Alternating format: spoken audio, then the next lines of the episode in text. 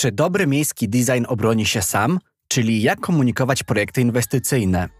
Cześć, ja się nazywam Marcin Wojciech Żebrowski, a to jest najnowszy odcinek Urbcastu, podcastu o miastach, architekturze, urbanistyce i wielu innych.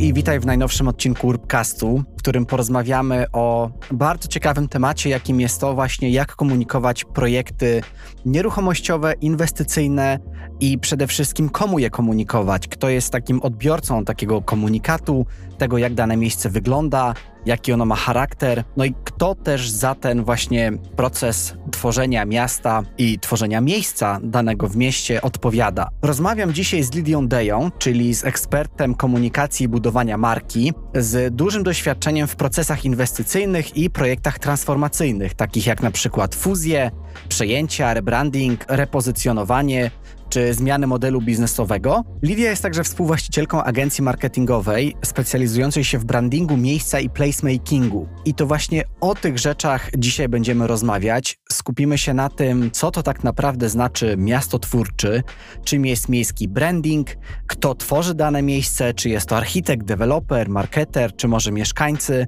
No i także czym jest ten placemaking i creative placemaking, co sprawia, że dane miejsce nam się bardzo podoba i chcemy do niego często wracać, podczas gdy na inne miejsca tak naprawdę nie zwracamy uwagi, mimo że możemy dane miejsce mijać na swojej drodze do pracy na przykład każdego dnia. Chcę podzielić się z Wami właśnie takim bogatym doświadczeniem komunikacyjnym Lidii, ale rozmawiamy też o tym, jak właśnie tą komunikację wykorzystać do tego, żeby zachęcić mm, mieszkańców, użytkowników do korzystania z danego projektu, z danego miejsca, ale także do tego, żeby sami na to miejsce wpływali. Więc porozmawiamy o kilku przykładach dobrego placemakingu, o projektach mixed use i na koniec odpowiemy na takie pytanie, do kogo tak naprawdę należy miasto, czyli kto najbardziej na nie wpływa. Nie przedłużając, zapraszam Was na najnowszy odcinek podcastu.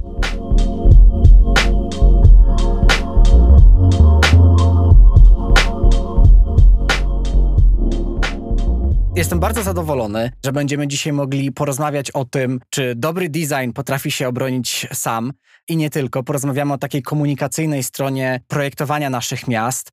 A rozmawiam z, z osobą, która ma duże doświadczenie na tym polu, więc jestem niesamowicie zaszczycony, że mnie tutaj Lidia odwiedzasz. Dzień dobry. Dzień dobry, Marcin. To mnie jest bardzo miło, że mnie zaprosiłeś, że będziemy mogli porozmawiać. Ja w ogóle muszę Ci powiedzieć, że bardzo lubię rozmowę, bardzo lubię dyskusję, wszelką taką wymianę przemyśleń, także naprawdę jest mi ogromnie miło. Super, to zacznijmy w takim razie od wytłumaczenia pewnych pojęć, bo myślę, że dzisiaj poruszymy bardzo kilka ciekawych aspektów tego właśnie, jak design może się samemu bronić, ale także jak komunikować takie projekty deweloperskie, czy nieruchomościowe, inwestycyjne. No i właśnie, komu je komunikować? Mieszkańcom, użytkownikom, czy może jakimś innym grupom?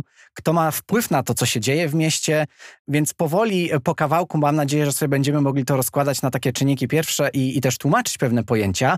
Ale żeby tak zacząć też w taki sposób bardziej personalny, chciałbym Cię poprosić, żebyś tak krótko się przedstawiła swoimi słowami, powiedziała też, czym się zajmujesz, no i może też powiedziała trochę o tym swoim doświadczeniu komunikacyjnym, bo jest ono jednak bardzo duże. Ja jestem, mm, tak siebie postrzegam, że jestem ekspertem od budowania marki, mm, marki produktu, marki miejsca, marki firmy. Jestem e, ekspertem komunikacji, rzeczywiście ze sporym doświadczeniem, zwłaszcza w procesach inwestycyjnych i tu szczególnie właśnie na rynku nieruchomości, takich nowych inwestycji deweloperskich. I też bardzo lubię zarządzanie i komunikację zmian w projektach transformacyjnych, jakieś rebrandingi czy reorganizacje, jakieś fuzje, przejęcia. I też w ostatnim czasie troszkę bliżej zajmuję się brandingiem miejsca i placemakingiem, bo rzeczywiście te dwie, place branding, placemaking, bardzo to się w moich oczach łączy i naprawdę jest bardzo szalenie jest ciekawe, bo też w ostatnim czasie poprzez jakieś tam różne zmiany społeczne, kulturowe, myślę, że to są takie pojęcia, które zyskały i one wręcz stały się modne ale też myślę, że mają swój głęboki sens i znaczenie. Czy takie pojęcia jak właśnie placemaking czy place branding, tak? Może trochę mówiąc właśnie z takim angielskim akcentem, no bo rzeczywiście ja się stykam się na co dzień właśnie za granicą, tak, z tymi pojęciami i rzeczywiście one gdzieś tam w tej przestrzeni czy w takim dialogu ogólnym funkcjonują. A jak myślisz, my w Polsce postrzegamy właśnie takie pojęcia jak placemaking czy place branding? Czy myślisz, że jakby weszły już do takiego codziennego języka, czy jeszcze nie? Ja myślę, że one weszły do codziennego języka, natomiast bym powiedziała, że ta norma, pewien standard, on cały czas się buduje. Mhm. Ja też, jak wiesz, zaczynałam swoją drogę zawodową dawno temu, kiedy to jeszcze były centra handlowe, takim dominującym formatem w nieruchomościach. No i wtedy ta komunikacja w ogóle wyglądała zupełnie inaczej, bo właściwie ona często była, często była sytuacją kryzysową, z tego względu, że była bardzo duża nieufność między, między różnymi uczestnikami tych procesów inwestycyjnych, między tymi interesariuszami. Z czasem oczywiście to się zmieniło i dzisiaj e, muszę powiedzieć, że tego zaufania jest e, znacznie więcej, a to głównie dzięki temu, że po prostu pojawiła się rozmowa między różnymi uczestnikami tego, tych projektów mhm. inwestycyjnych czy deweloperskich, a jak wiemy, tylko nawiązanie kontaktu, rozmowa buduje zaufanie. No i dzisiaj tego zaufania jest już oczywiście więcej.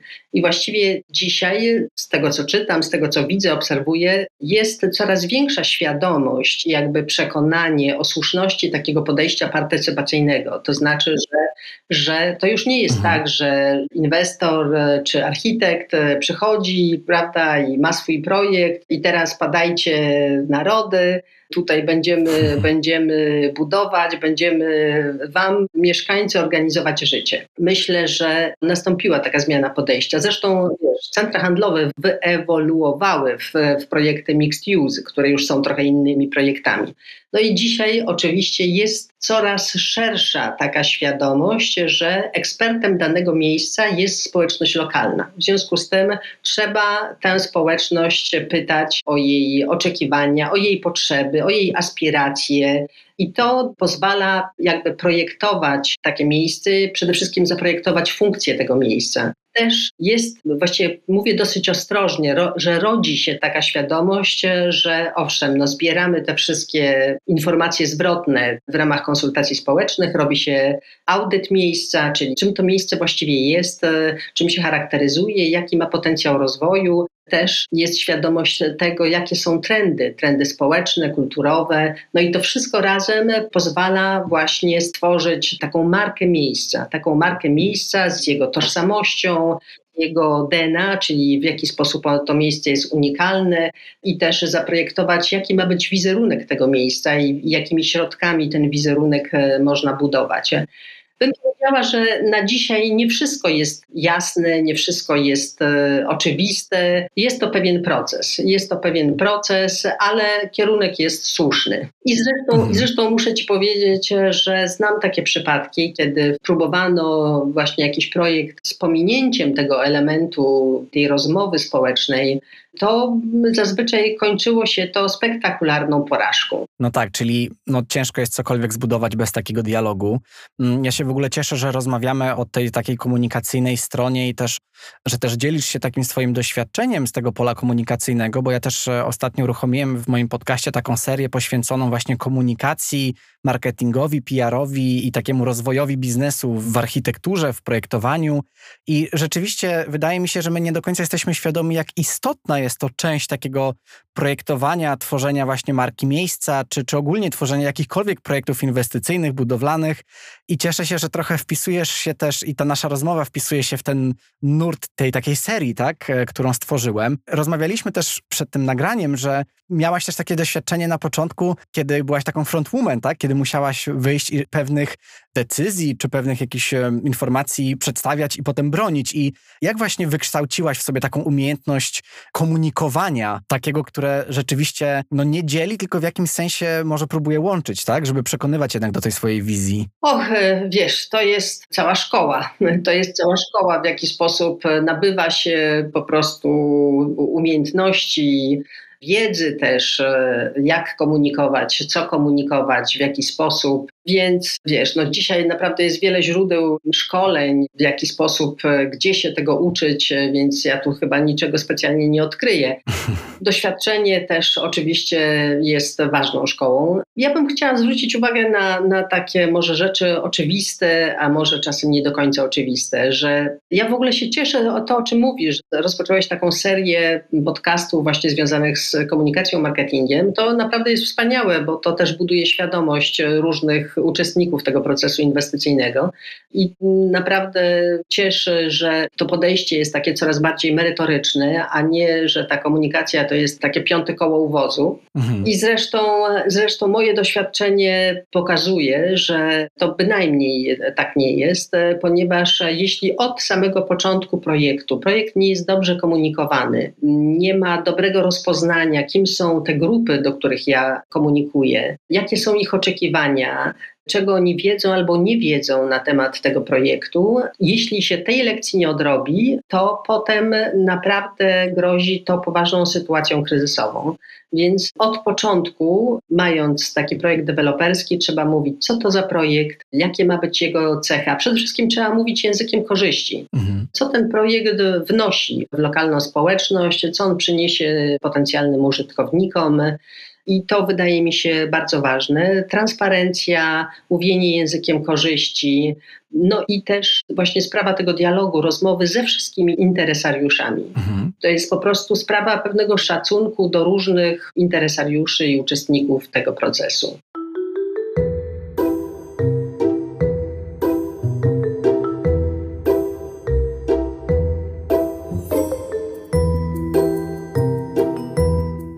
Spróbujmy sobie w takim razie już wiedząc mniej więcej, jak ta komunikacja powinna wyglądać, też co jest w niej ważne, tak? Czyli ten język korzyści, no i to, żeby jednak naprawdę starać się z tą wiadomością dotrzeć, czy z tym dialogiem bardziej, z tą próbą dialogu dotrzeć do, do różnych grup interesariuszy, żeby to nie było tylko takie jednostronne czy wymuszone to chciałbym taki zrobić teraz most pomiędzy tą częścią komunikacyjną, a tą częścią no, urbanistyczną, miejską, bo bardzo mnie interesuje też skąd u ciebie wzięło się takie zainteresowanie właśnie miastami, tworzeniem e, dobrych miejsc, tak, dobrego designu, placemakingiem, no bo jednak teraz też współtworzysz agencję, która się zajmuje placemakingiem, więc e, bardzo mnie interesuje skąd u ciebie się wzięło to zainteresowanie miejskie. Marcin, ja jestem pasjonatką. jestem pasjonatką po prostu uważam, że miasto, zarówno w sensie idei, jak i materii, to jest twór absolutnie y, fascynujący. Mhm. Powinnam powiedzieć na początku, że ta moja fascynacja bierze się z takiego rozumienia miasta jako relacji miasto jako spotkanie. I z tego spotkania, spotkania ludzi, tworzy się wartość i społeczna, i wartość ekonomiczna. W ten sposób zaspokaja się potrzeby. No, nie bez kozery, właśnie w miastach mówi się o miejscach spotkań. I to spotkanie ludzi naprawdę jest źródłem po prostu no, niezwykłej energii, niezwykłej energii takiej twórczej, kreatywnej. I zresztą nie bez kozery też e, właśnie miasto jest uważane jako takie źródło innowacji. Ja absolutnie w to wierzę. Miasto jest źródłem rzeczywiście innowacji społecznych, technologicznych z prostego powodu, bo to tutaj jest kapitał, tutaj są, jest nagromadzenie talentów i ludzkiej energii. I z tego właśnie tworzą się te innowacje. I tych innowacji miejskich mamy bez naprawdę bez liku od e, jakichś innowacji społecznych, smart city, po jakieś zielone miasta, na przykład Tianjin hmm. gdzieś w Chinach, czy miasto właściwie wykreowane na zasadzie jakiejś tam technologii, czy miasto kreatywne, gdzie właściwie już nie mówi się o klubach, tylko mówi się o klubokawiarniach. Więc dla mnie to po prostu, hmm. wiesz, te wszystkie kreatywne formaty są naprawdę szalenie, szalenie interesujące. A w tych miastach muszę Ci powiedzieć, że mnie na przykład fascynuje emancypacja lokalnych społeczności. Jak się patrzy na to trochę historycznie, to, a ja już mam trochę taką perspektywę, ponieważ wiesz, pamiętam w jaki, w jaki sposób te różne formaty handlowe czy nieruchomościowe ewoluowały. I po prostu ja widzę, jak zmieniał się dyskurs publiczny, jak się zaczęły równoważyć te różne głosy w tej debacie publicznej, w jaki sposób te lokalne społeczności zostały upodmiotowione jak liczy się dzisiaj ten głos, jak mówiliśmy na początku, na przykład w procesach właśnie inwestycyjnych czy deweloperskich. I ja, wiesz, uważam, że rola tych, tych wspólnot jest naprawdę nie do przecenienia, nie tylko jeżeli chodzi o rozwój miasta, ale wręcz w systemie demokracji, ponieważ, e, wiesz, i pandemia nas tylko utwierdziła w tym, że ani rynek, ani państwo nie załatwiają wszystkiego. Mhm. I ta rola tych wspólnot lokalnych, te właśnie, wiesz, te miejsca spotkań, to budowanie tego kapitału społecznego tak codziennie, poprzez jakieś takie codzienne interakcje w różnych miejscach, to jest właśnie budowa społecznego kapitału. I też uważam, że niezwykła dzisiaj zupełnie jest rola aktywistów miejskich. Oni trochę przejęli funkcję mhm. studentów. Kiedyś mówiło się, że no wiesz, miasto żyje, jak jest ośrodkiem akademickim, są studenci. Ja bym powiedziała, że dziś ta rola aktywistów miejskich jest ogromnie ważna. Oni się stali trochę, wiesz, takimi influencerami. To oni kreują pewne mody, pewne miejsca, które stają się modne, oni tworzą taki klimat emocjonalny, taki troszkę, wiesz, taki też intelektualny, że się dyskutuje o tych konceptach, o tam różnych właśnie takich. Więc właśnie, no wiesz, miasto mnie fascynuje przez swoją energię, nagromadzenie ludzkiej energii, przez swoją kreatywność, innowacyjność, przez właśnie te wspólnoty lokalne. Zresztą moglibyśmy godzinami. Pojawiły się nowe koncepty urbanistyczne, które gdzieś tam właśnie bazują na tych lokalnych społecznościach. Myślę tutaj o mieście 15 minut. Zresztą dziś mamy tych konceptów, już jest miasto i 20 minut, i miasto minuta, więc właściwie każde miasto gdzieś tam tworzy jakiś własny scenariusz miejski, własny scenariusz e, rozwoju. No ale to też jest fascynujące, w jaki sposób te miasta, zachowując jednak swoją integralność, w jaki sposób one się decentralizują, demokratyzują też w jakimś sensie, jak rzeczywiście kategorią staje się jakość życia. Jakość życia, żeby różne rzeczy, które mają nam życie ułatwić, były w, w zasięgu tych tam 15 minut, powiedzmy. Bardzo się cieszę, że wspominasz o tej nowej lokalności, bo ona no bezsprzecznie odgrywa bardzo istotną rolę w tych przemianach miejskich obecnie. Miałem ostatnio dużą przyjemność porozmawiać z architektką ze znanego biura Gel Architects, którzy rzeczywiście na całym świecie doradzają, jak tworzyć te miasta już przysłowiowe tak dla ludzi, tak, żeby te nowe funkcje, nowe inwestycje, które powstają, odpowiadały realnie na potrzeby, które ci mieszkańcy zgłaszają. I przechodząc właśnie do, do takiego rozwijania różnych projektów, bo chciałem dzisiaj z Tobą właśnie porozmawiać o takim komunikowaniu tych projektów, które powstają, no bo nie każdy inwestor czy nie każda inwestycja jest w stanie otrzymać takiej wysokiej jakości wsparcie od e, GL Architects, tak? I jakby to są tylko raczej wybiórcze projekty, w które jakby zaangażowane są jakieś takie światowej klasy biura architektoniczne, które są w stanie doradzić, ale na świecie mamy no, mnóstwo różnych projektów i dlatego chciałem się ciebie zapytać, tak wracając do takiego tytułowego pytania, jak w ogóle te projekty deweloperskie możemy komunikować. No i to, o czym też wspominaliśmy na początku,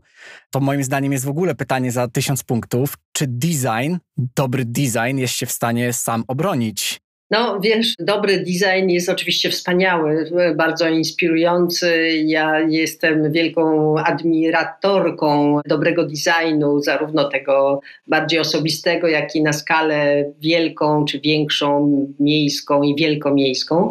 Niemniej uważam, że kiedy mowa o miastach i e, tego typu właśnie inwestycjach, projektach deweloperskich, sam design, choć, choć oczywiście szalenie ważny, to jednak się nie, nie wystarczy, ponieważ ja wierzę głęboko w podejście takie multidyscyplinarne. I choć e, rola architekta oczywiście jest szalenie ważna, to niemniej uważam, że i mam nadzieję, że inwestorzy i deweloperzy będą jednak e, coraz chętniej budowali taki zespół ludzi różnych specjalności, że będzie to właśnie i architekt, i będzie to badacz e, społeczny, czy badacz trendów, będzie to marketer, czy jakiś ekspert od, od brandingu, bo uważam, że dopiero ten zespół ludzi jest w stanie naprawdę kompleksowo stworzyć projekt, który może być wdrożony i który będzie miał szansę rzeczywiście powodzenia. Czyli dla mnie, wiesz, dla mnie to, to jest, ja mówię o tym, że to jest place branding, ale dla mnie to jest takie wyznaczenie takiego strategicznego kierunku rozwoju danego miejsca. Trochę taki strategiczny blueprint, mhm. czyli zbieramy te wszystkie insighty, tu społeczność lokalna, mieszkańcy obecni przyszli, gdzieś jakiś lokalny biznes, no wszyscy uczestnicy, powiedziałabym, tego miejsca, też w jaki sposób, z czym mamy do czynienia, jeżeli chodzi o pewne koncepty społeczne czy pewne mody kulturowe. I to dopiero nam pozwoli stworzyć takiego miejsca wizję, odkryć jakby jego unikalność tego miejsca, tego miejsca DNA i też zaprogramować wizerunek. Jaki ma być wizerunek mhm. tego miejsca, w jaki sposób ten wizerunek chcemy budować. A placemaking, czyli wiesz, tworzymy markę miejsca. Marka jest pewną obietnicą, że to miejsce będzie jakieś. I placemaking dla mnie pozwala tę obietnicę dowieść, pozwala jej dotrzymać. Mhm. Pozwolę sobie powołać na jeden taki przykład. Kiedyś czytałam o, o takim projekcie amerykańskim mhm. E, Mixed Use, który był robiony przez pewnie znanego tobie dewelopera Brookfield Properties w mieście Nashville. No i oczywiście Mixed Use, różne funkcje i tak dalej. No ale oni właśnie badali, jak to zrobić, żeby ten projekt był jakoś unikalny, żeby, wiesz, on przyciągał, że przyciągał i mieszkańców, i biznes, i turystów. No i wreszcie doszli, wiesz, zadawali pytania, ale, ale co sprawia, że Nashville jest Nashville? No i, i w końcu do tego swojego projektu dołożyli muzeum, to jest Museum of, African and American Music, czyli wiesz, y, Muzeum mhm. Muzyki. I dla mnie właśnie to jest fantastyczne, bo to jest właśnie dla mnie przykład takiego placemakingu, bo dołożenie takiej funkcji powoduje, że to miejsce rzeczywiście zyskuje na renomie, ono zaczyna żyć, ono ma wyrazistą osobowość i zaczyna przyciągać rzeczywiście i wokół tego zaczyna się kreować, zaczyna się tworzyć całe życie. A takim przykładem polskim jest w Trójmieście taki duży projekt, e, też mixed use, Garnizon we Wrzeszczu. No i wiesz, ten Brzeszczy to właściwie yy, w Trójmieście, no to, to takie właściwie było bez osobowości, taki nijaki był ten Brzeszcz, taki wiesz, bez charakteru. Mhm. Uważam, że naprawdę fantastycznym właśnie pomysłem na placemaking, na w ogóle zbudowanie tożsamości tego miejsca było stworzenie czegoś, co nazwano garnizonem kultury. I na ten garnizon kultury składa się taki pub z muzyką na żywo, stary manerz i księgarnio-kawiarnia. I ta wiesz, ta księga, sztuka wyboru. I ta księgarnia kawiarnia jest de facto takim trochę domem kultury. Ta sztuka wyboru przez te różne spotkania, które zaczęła organizować, jakieś tam wystawy, e, spotkania z artystami, jakieś wieczory, takie inne. Nawiązano do Gintera Grasa, który przecież ma swoje korzenie w Gdańsku Wrzeszczu. Wiesz, rozumiesz, po prostu użyto pewnych kodów kulturowych też dla wykreowania miejsca, dla zbudowania tego miejsca tożsamości, wizerunku. I dla mnie ten garnizon kultury jest właśnie takim przykładem placemakingu. Ja muszę powiedzieć, że bardzo lubię ten przykład. Jeśli mogę jeszcze tylko nawiązać do tego przykładu, to jak właśnie powiedziałaś o nim pierwszy raz, to coś mi zaświtało w głowie, bo wydawało mi się, że kojarzę ten przykład i dopiero teraz właśnie sobie przypomniałem, że, że ja tam byłem kilkukrotnie. Zgadzam się z tobą, jeśli chodzi o to, że mm, to totalnie zmienia jakby postrzeganie tego miejsca, zarówno jakby samego miejsca, tam jest taki w ogóle bardzo ładny park, tak, z, z zbiornikami wodnymi i rzeczywiście ja tam byłem kilkukrotnie i to jest wspaniałe miejsce i mam nadzieję, że więcej takich projektów będzie się pojawiać, ale tutaj jeszcze się ciebie zapytam, czy Wiesz, co mogło być mm, takim głównym czynnikiem sukcesu? Bo to jest też coś, na czym się teraz zastanawiam, co sprawia, że dany projekt, mm, właśnie taki placemakingowy, ma ten sukces, tak? Czy wystarczy, że porozmawia się z tą lokalną społecznością, czy uważasz, że czasem to zależy też od szczęścia albo jakichś innych okoliczności? No wiesz, można się zdać na szczęście, ale to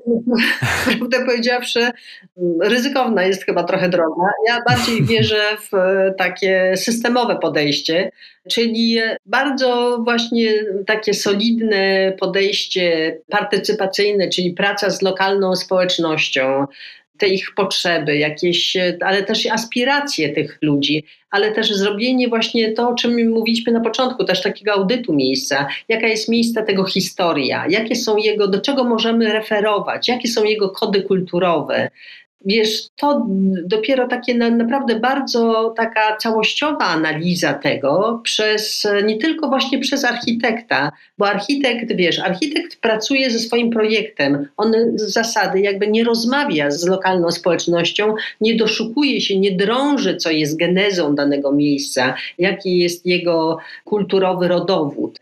Tutaj potrzeba badaczy społecznych, trzeba marketerów, wreszcie ludzi od brandingu, żeby to wszystko jakby razem potem złożyć w całość i zaproponować czym ma być marka tego miejsca, jaka jest tego miejsca wizja, jaka jest tego miejsca tożsamość, wreszcie jaki wizerunek ma być tego miejsca, żeby rzeczywiście w pełni jakby się ten placemaking ziścił, czyli zbudować takie miejsce, które będzie generować społeczne interakcje, hmm. będzie budować ten kapitał społeczny i to jest wtedy kluczem powodzenia danego miejsca.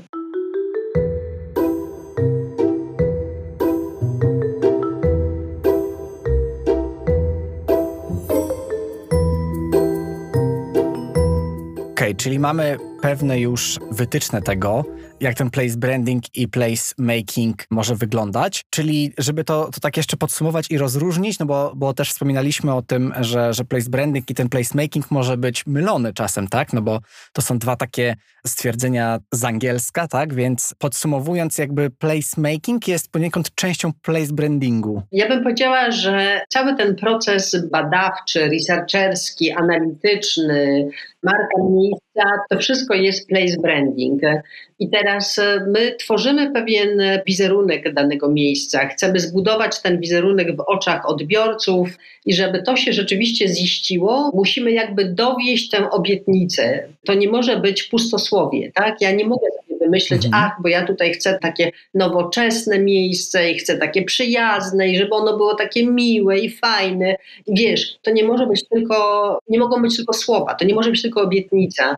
Tej obietnicy trzeba dotrzymać. I teraz, żebym ja jej mogła dotrzymać, to trzeba określonych funkcji, trzeba określonych inicjatyw, jak na przykład takiej sztuki wyboru, garnizonu kultury, czy jakiejś tam sali koncertowej w innym przypadku, czy jakiejś przestrzeni społecznej na przykład, żeby ludzie mogli się tam spotykać i nie wiem, robić razem ćwiczenia jogi, albo razem gotować, albo tym podobne. Zastanawia mnie w takim razie Twoja opinia, też jakby Twoja taka soczewka, przez którą patrzysz na to, kto w ogóle tworzy miejsce w mieście, bo no tak, to jest jakby, już wspominaliśmy, jakby taki proces interdyscyplinarny, tak? Najlepiej, żeby różne grupy były w to zaangażowane. Oczywiście czasami się to udaje bardziej, czasem mniej, ale kto w ogóle za to miejsce odpowiada? Kto je tworzy? Czy jest to właśnie głównie architekt, czy deweloper, marketer, mieszkańcy, użytkownicy, a może jeszcze w ogóle jakieś zupełnie inne grupy? Wiesz, mi się wydaje, że tutaj odpowiedź nie jest prosta, ponieważ dla mnie są różne etapy. Jest proces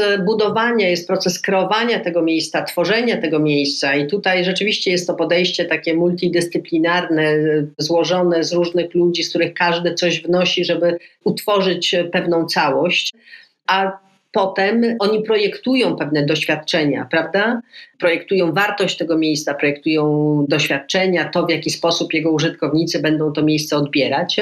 No i potem e, jest jakby tego miejsca użytkowanie. I tu akcent ewidentnie jest na użytkowników, na społeczność lokalną. Ale też myślę sobie, że takie miejsce, ono nie jest dane raz na zawsze. W jakimś sensie ono żyje w czasie, ono może ewoluować, może się zmieniać, ponieważ e, no, ta materia miasta jest materią społeczną. Już powiedzieliśmy, że miasto to są relacje, to są spotkania, czyli to są ludzie, czyli to jest taka żywa, żywa materia, która ma wiele zmiennych. I tak jak zmieniają się mody, style, potrzeby, tak pewnie to miejsce też będzie ewoluować. Jest też takie pojęcie, bo już rozmawialiśmy o placemakingu, ale jest też coś takiego jak creative placemaking i o to też chciałem ciebie zapytać, bo jak myśli się czasem o tym placemakingu, o tym takim tworzeniu, tak, jakby wizualnym takiej marki miejsca, no to mi się przynajmniej to tak kojarzy z, z użyciem często na przykład farby, tak? Że to miejsce jest jakieś kolorowe, że daje się tam e, różnego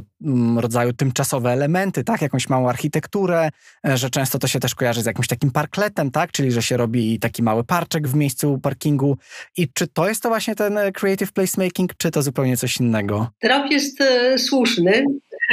trop jest słuszny, ale ten creative placemaking jest jeszcze pojęciem trochę szerszym. No ja muszę powiedzieć, że ja bardzo mhm. lubię to podejście takie właśnie tego creative placemaking. Nawet nie wiem, jak to, wiesz, jak to nawet przetłumaczyć na polski. Słowem, myślę, że ze wszystkich tych inicjatyw placemakingowych, to my w Polsce najmniej jakby stosujemy ten creative placemaking, ponieważ to nie polega tylko na tym, że używa się sztuki w przestrzeni publicznej. U nas w Polsce powiem szczerze, że e, właściwie jest to trudne i cały czas dość rzadkie. Jeszcze najbardziej, najczęściej spotykam murale murale się wykorzystuje, żeby jakoś to miejsce ozdobić, czy nadać pewnej wyrazistości, trochę na zasadzie jakiegoś art brandingu. Natomiast taką sztukę w przestrzeni publicznej, no powiem szczerze, to się spotyka rzadko, szybciej, tak jak ty mówisz, właśnie design mhm. użytkowy, jakiś parklet, jakaś ławeczka,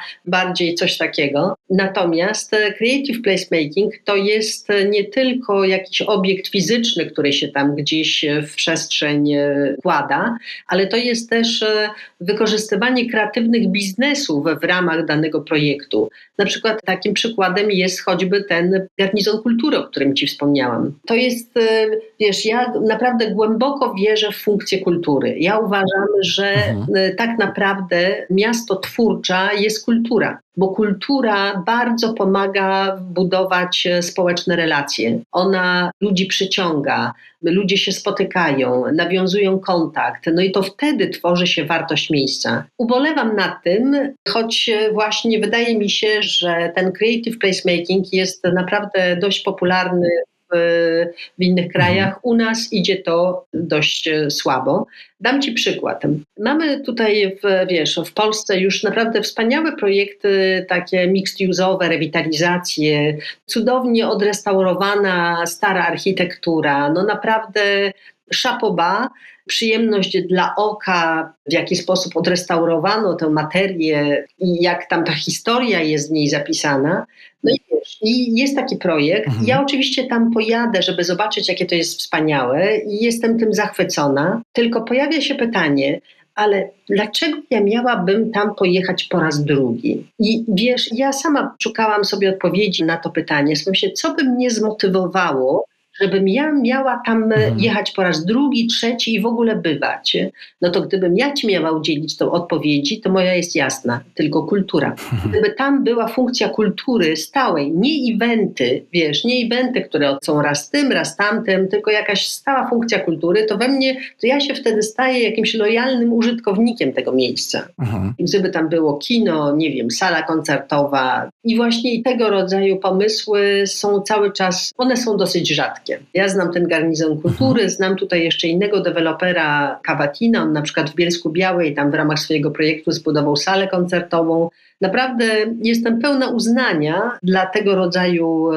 podejścia, właśnie dlatego, że to jest wciąż rzadkie. I mhm. właściwie najczęściej muszę Ci powiedzieć, że taki refleks mają deweloperzy krajowi, że oni jakby chcą unieść jakąś, wiesz, legacy, chcą zostawić po sobie jakiś e, trwały ślad. Mhm. Tak, e, tak jak, jakoś to odbieram. Zresztą muszę Ci powiedzieć, kiedyś jakiemuś deweloperowi proponowałam żeby do swojego projektu przeniósł kino butikowe, które ma swoją markę w mieście. No naprawdę jest takim, wiesz, to są takie dzisiaj współczesne domy kultury, ponieważ przeniesienie tego kina, nadanie mu nowego życia, nowych warunków, nowego jakby potencjału rozwojowego, no w moim odczuciu by po prostu było naprawdę kołem zamachowym dla tego projektu i byłoby to o wiele lepsze niż zbudowanie tam drugiej albo trzeciej restauracji. Bo wiesz, jeżeli mhm fajnie jest mieć tam fajną restaurację, tylko tak naprawdę, czy to mnie motywuje, żebym ja gdzieś wsiadła w samochód i pojechała kawałek dalej?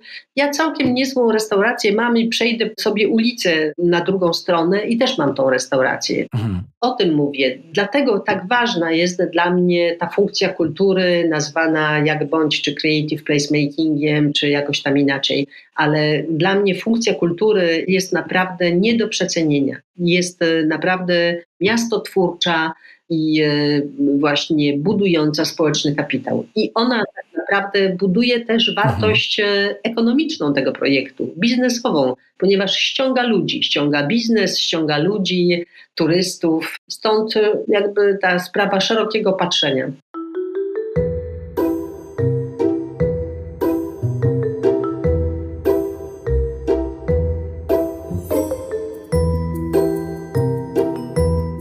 Na koniec chciałam w takim razie zapytać, do kogo w ogóle miasto należy, bo mówiłaś na koniec o, o deweloperach. Zastanawia mnie też, na ile deweloperzy właśnie chętnie słuchają takich rad, żeby zlokalizować pewną funkcję w ich projektach.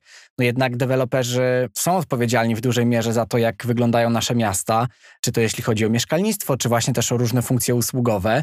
I czy myślisz, że to właśnie oni e, w głównej mierze mają jakąś taką sprawczość i władczość w naszych miastach, czy właśnie nie do końca? Jakbyśmy jeszcze na koniec może tak omówili tą rolę deweloperów? Wiesz, no, rola deweloperów na pewno jest bardzo istotna, ponieważ ich wpływ na kształt miasta, na rozwój miasta jest bardzo duży chcę wierzyć i wierzę, że jakby świadomość pewnych procesów, zmian jest na tyle duża, że pojawia się też ta chęć i ambicja robienia projektów, które wpisują się w tkankę miejską.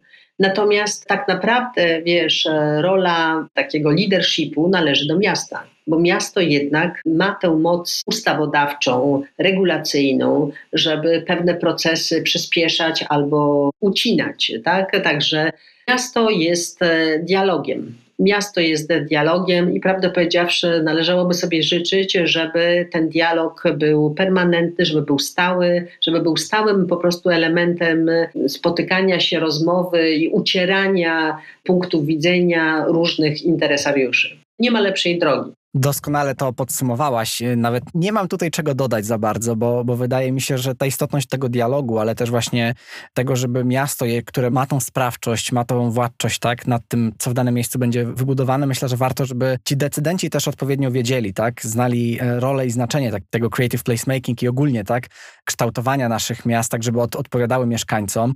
No i rola dialogu w tym jest na pewno niesamowicie duża, dlatego ja już tutaj od siebie nic nie będę dodawał, ale chciałem cię tylko jeszcze na koniec zapytać, o jedną ostatnią rekomendację. Czy mogłabyś się ze słuchaczami, ze słuchaczkami podzielić jeszcze jakąś mm, pozycją książkową? Wiesz, słuchałam Twoich podcastów i, i Twoi rozmówcy mi tutaj naprawdę mieli mnóstwo fantastycznych sugestii co wręcz powiem szczerze, że myślę sobie, Boże, ile mam do, do, do nadrobienia. Można naprawdę w kompleksy popaść, ale to ja szybciutko muszę Ci powiedzieć, że to stara lektura. Benjamin Barber, taki amerykański mhm. politolog, ten, kto od Dżihad kontra Mak Świata, on jakiś czas temu, już właściwie chyba wiele lat temu napisał taką, gdyby burmistrzowie rządzili światem.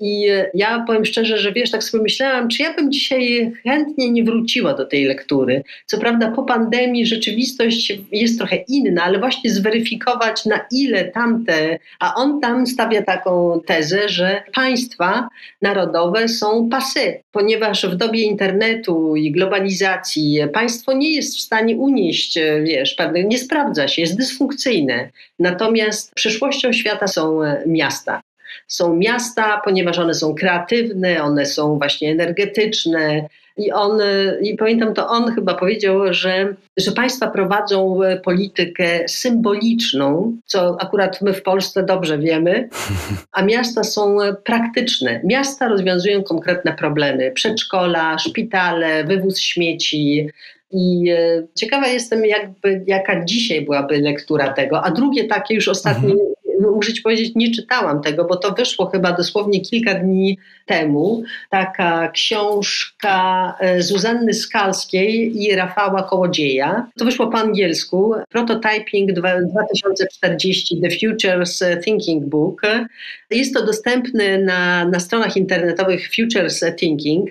No, ja tego nie czytałam, ale chcę to sobie i wydaje mi się to absolutnie fascynujące, bo oni tam budują cztery scenariusze przyszłości i właściwie im nie chodzi o to, wiesz, jaka ta przyszłość będzie, tylko oni tam właśnie mówią, że przyszłość nie jest celem, jest narzędziem do zmiany rzeczywistości. Jest to taki zbiór nieoczywistych inspiracji dla liderów biznesów, miast, różnych instytucji, jak się zabrać za zmiany. Też sprawa zmiany mentalnej, lepiej planować, żeby wprowadzać zmiany. No uważam to za, może być to szalenie inspirująca lektura. Dziękuję. Nie wiem, czy cię zaskoczę, nie wiem, czy to przypadek, czy nie, ale byłem dzisiaj właśnie na tej stronie i przeglądałem książkę właśnie Zuzanny Skalskiej, współautora. Też nad nią się zastanawiałem, bo wygląda bardzo ciekawie pod kątem tego właśnie, jak, jak ta przyszłość będzie wyglądać i co ważne, oni też zaznaczają, że to nie są spekulacje, tak? tylko że to jest już, bazuje na tym, co się dzieje w tym momencie. Także dziękuję ci za dwie e, niesamowite książki. Ta pierwsza jest mi też oczywiście znana, aczkolwiek przyznam się bez bicia, że jej nie skończyłem jeszcze. Jest cały czas e, rozgrzebana, jest na liście, ale ślicznie Ci dziękuję za te polecenia, bo są naprawdę wartościowe i co ciekawe, też się nie powtarzają. Jeszcze te książki nie zostały polecone.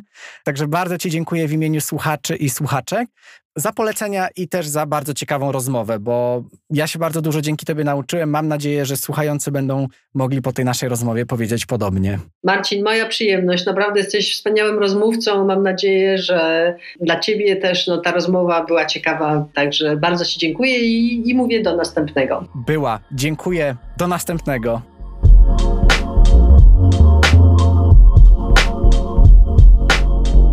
Dziękuję Ci bardzo za wysłuchanie najnowszego odcinka Urbcastu. Mam nadzieję, że był to dla Ciebie wartościowo spędzony czas i że nauczyłeś lub nauczyłaś się czegoś nowego. Jeśli ten odcinek Ci się podobał, będę bardzo wdzięczny, jeśli podzielisz się nim z kimś znajomym, bliskim, i prześlesz mu link do tego nagrania. Możesz też wesprzeć Urbcast śledząc fanpage na Facebooku, LinkedInie czy Instagramie a także odwiedzając stronę internetową urbcast.pl. Na tej właśnie stronie możesz zapisać się do co dwutygodniowego urbletera, w którym dzielę się z Tobą miejskimi smaczkami. A na koniec, jeśli chciałbyś lub chciałabyś wesprzeć ten podcast jeszcze bardziej, to zapraszam Cię serdecznie do odwiedzenia mojej strony na Patronite, gdzie możesz wesprzeć ten podcast dowolnie wybraną przez siebie kwotą a ja dalej niezależnie będę mógł dla Ciebie prezentować te różne ciekawe architektoniczne, urbanistyczne tematy. Dzięki wielkie i do usłyszenia.